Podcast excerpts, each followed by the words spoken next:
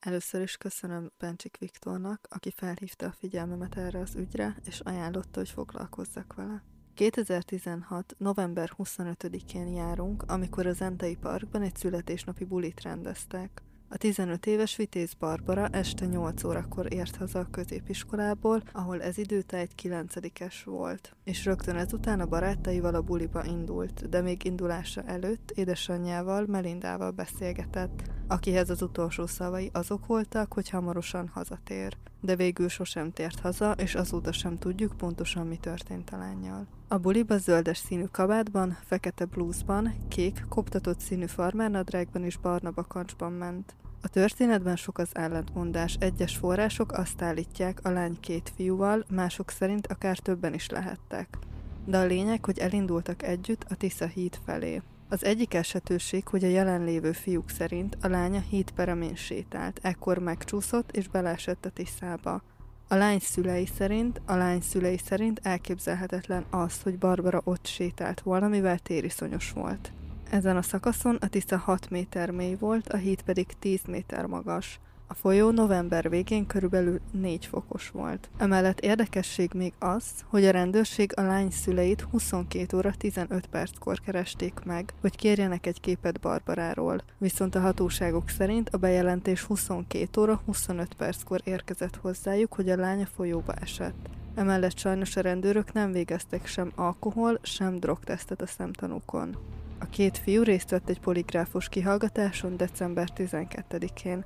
Az egyértelművé vált belőle, hogy a fiúk ott voltak Barbarával a hídon, viszont nem lökték meg szándékosan, ez egyáltalán nem is volt a tervük, de a hazugságvizsgálat alapján nem kizárható, hogy véletlenül ez történt illetve a fiúk elmondásai a történetről is változtak. Volt olyan verzió is, miszerint Barbara a folyóba ugrott, vagy egy másik fiú elmondása szerint játszottak, és a lány ekkor esett a vízbe. Viszont ami gyanús, hogy pár nappal az eset után a fiúk állítólag kitörölték Barbarát a Facebookról. December közepén a lány szülei kaptak egy névtelen levelet, ez aláírás és boríték nélkül érkezett. Kézzel írták magyar nyelven, és a tartalmából az derült ki, hogy Barbara nem esett a folyóba, hanem megerőszakolták és meggyilkolták, ezután dobták a folyóba. Az összetört szülőket ez még jobban összezavarta, már lassan egy hónapja nem volt semmilyen híruk a lányukról. A rendőrség szerint az a legvalószínűbb, hogy versenyeztek, ki ér fel hamarabb a híd szerkezetére, viszont Barbara elvesztette az egyensúlyát és a folyóba zuhant. Erről számoltak be azok is, akik a rendőrséget hívták. A család és Zenta lakosai nem voltak megelégedve a rendőrség munkájával, a lány édesapja Vitéz Endre szerint a rendőrség fontos információkat hallgatott el. 2017. januárjában egy tiltakozást is rendeztek Zenta főterén, annak érdekében, hogy a nyomozást előre mozdítsák, és hogy a rendőrség nyújtson megfelelő tájékoztatást. Endrének egyébként az volt az ügyel kapcsolatban az álláspontja, hogy a lány nem esetett bele a ticába, mert kidobta volna a testét a folyó. Én azt feltételezem, hogy a kislányomat elcsalták erre a találkozóra, vagyis születésnapra, vagy valami, és nem az történt, amit a két fiú állít, hanem a kislányomat több mint valószínű, hogy valaki elvitte, elrabolta és fogva tartsa. Január végén tovább folytatták a nyomozást. A szerb rendőrség igazgatója, a Szabadkai Felsőbb Ügyészség ügyésze és az újvidéki fellebbviteli ügyész találkozott Vitéz Barbara szüleivel, és ismertették velük az eddig ismert részleteket. Végig járták az útvonalat, amelyen Barbara a fiúk társaságában ment a híthoz. A fiúk által elmondott történet mellett egy közeli bevásárlóközpont kamera felvételei is bizonyítékként szolgáltak viszont ez sajnos a tragikus történteket nem rögzítette. Tehát a rendőrség kénytelen volt szinte csak a szemtanúk állításaira támaszkodni, amik sokszor változtak. A nyomozás azóta is lezáratlan, a testet sem találták meg, így azt sem tudták bizonyítani, hogy baleset történt-e. Alapjáraton sem volt elég információ a lány hollétével és a történtekkel kapcsolatban, viszont nem is volt meg a megfelelő felszerelés a mentőcsapatoknak, ami jelentősen hátráltatta őket viszont nem adták fel, és még hat hónappal az eltűnése után is igyekeztek keresni a lányt.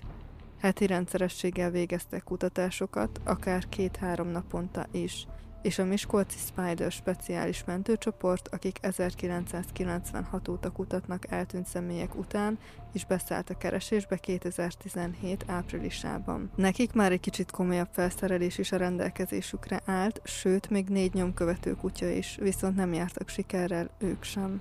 Egy interjúban Vitéz Endre azt is elmondta, hogy a magyar rendőrségtől nem tudnak sajnos segítséget kapni, mivel Barbara nem kettős állampolgár, emellett pedig Szerbia nem az Európai Unió része. Nincs segítségünk.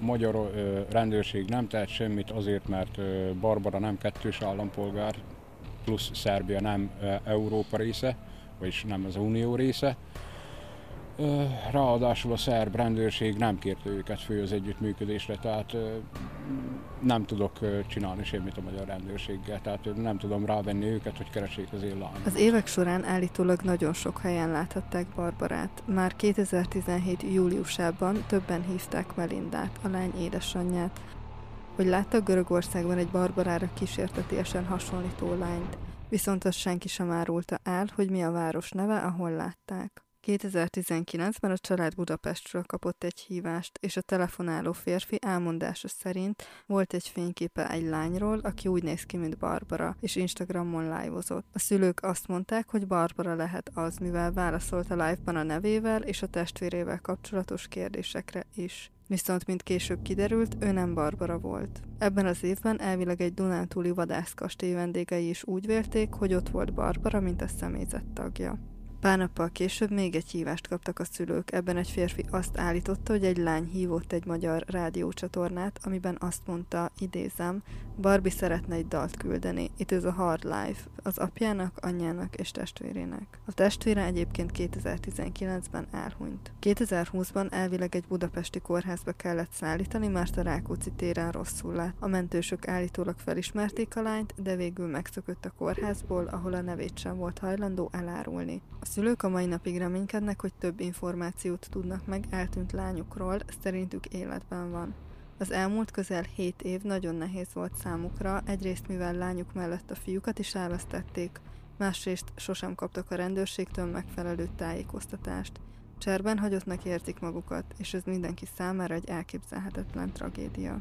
Szinte minden másnap bementem a rendőrségre, hogy valami nyomozót adjanak, útmutatónak, hogy kit keressek, kiad nekem információt. Azt mondták, hogy információt nem adhatnak, mert a nyomozás folyik. Ennyi. Én hiába kerestem bárkit, bármit, nem kaphattam információt. Még mai napig sem nem kapok semmi információt. A lányt egyébként az Interpol is keresi.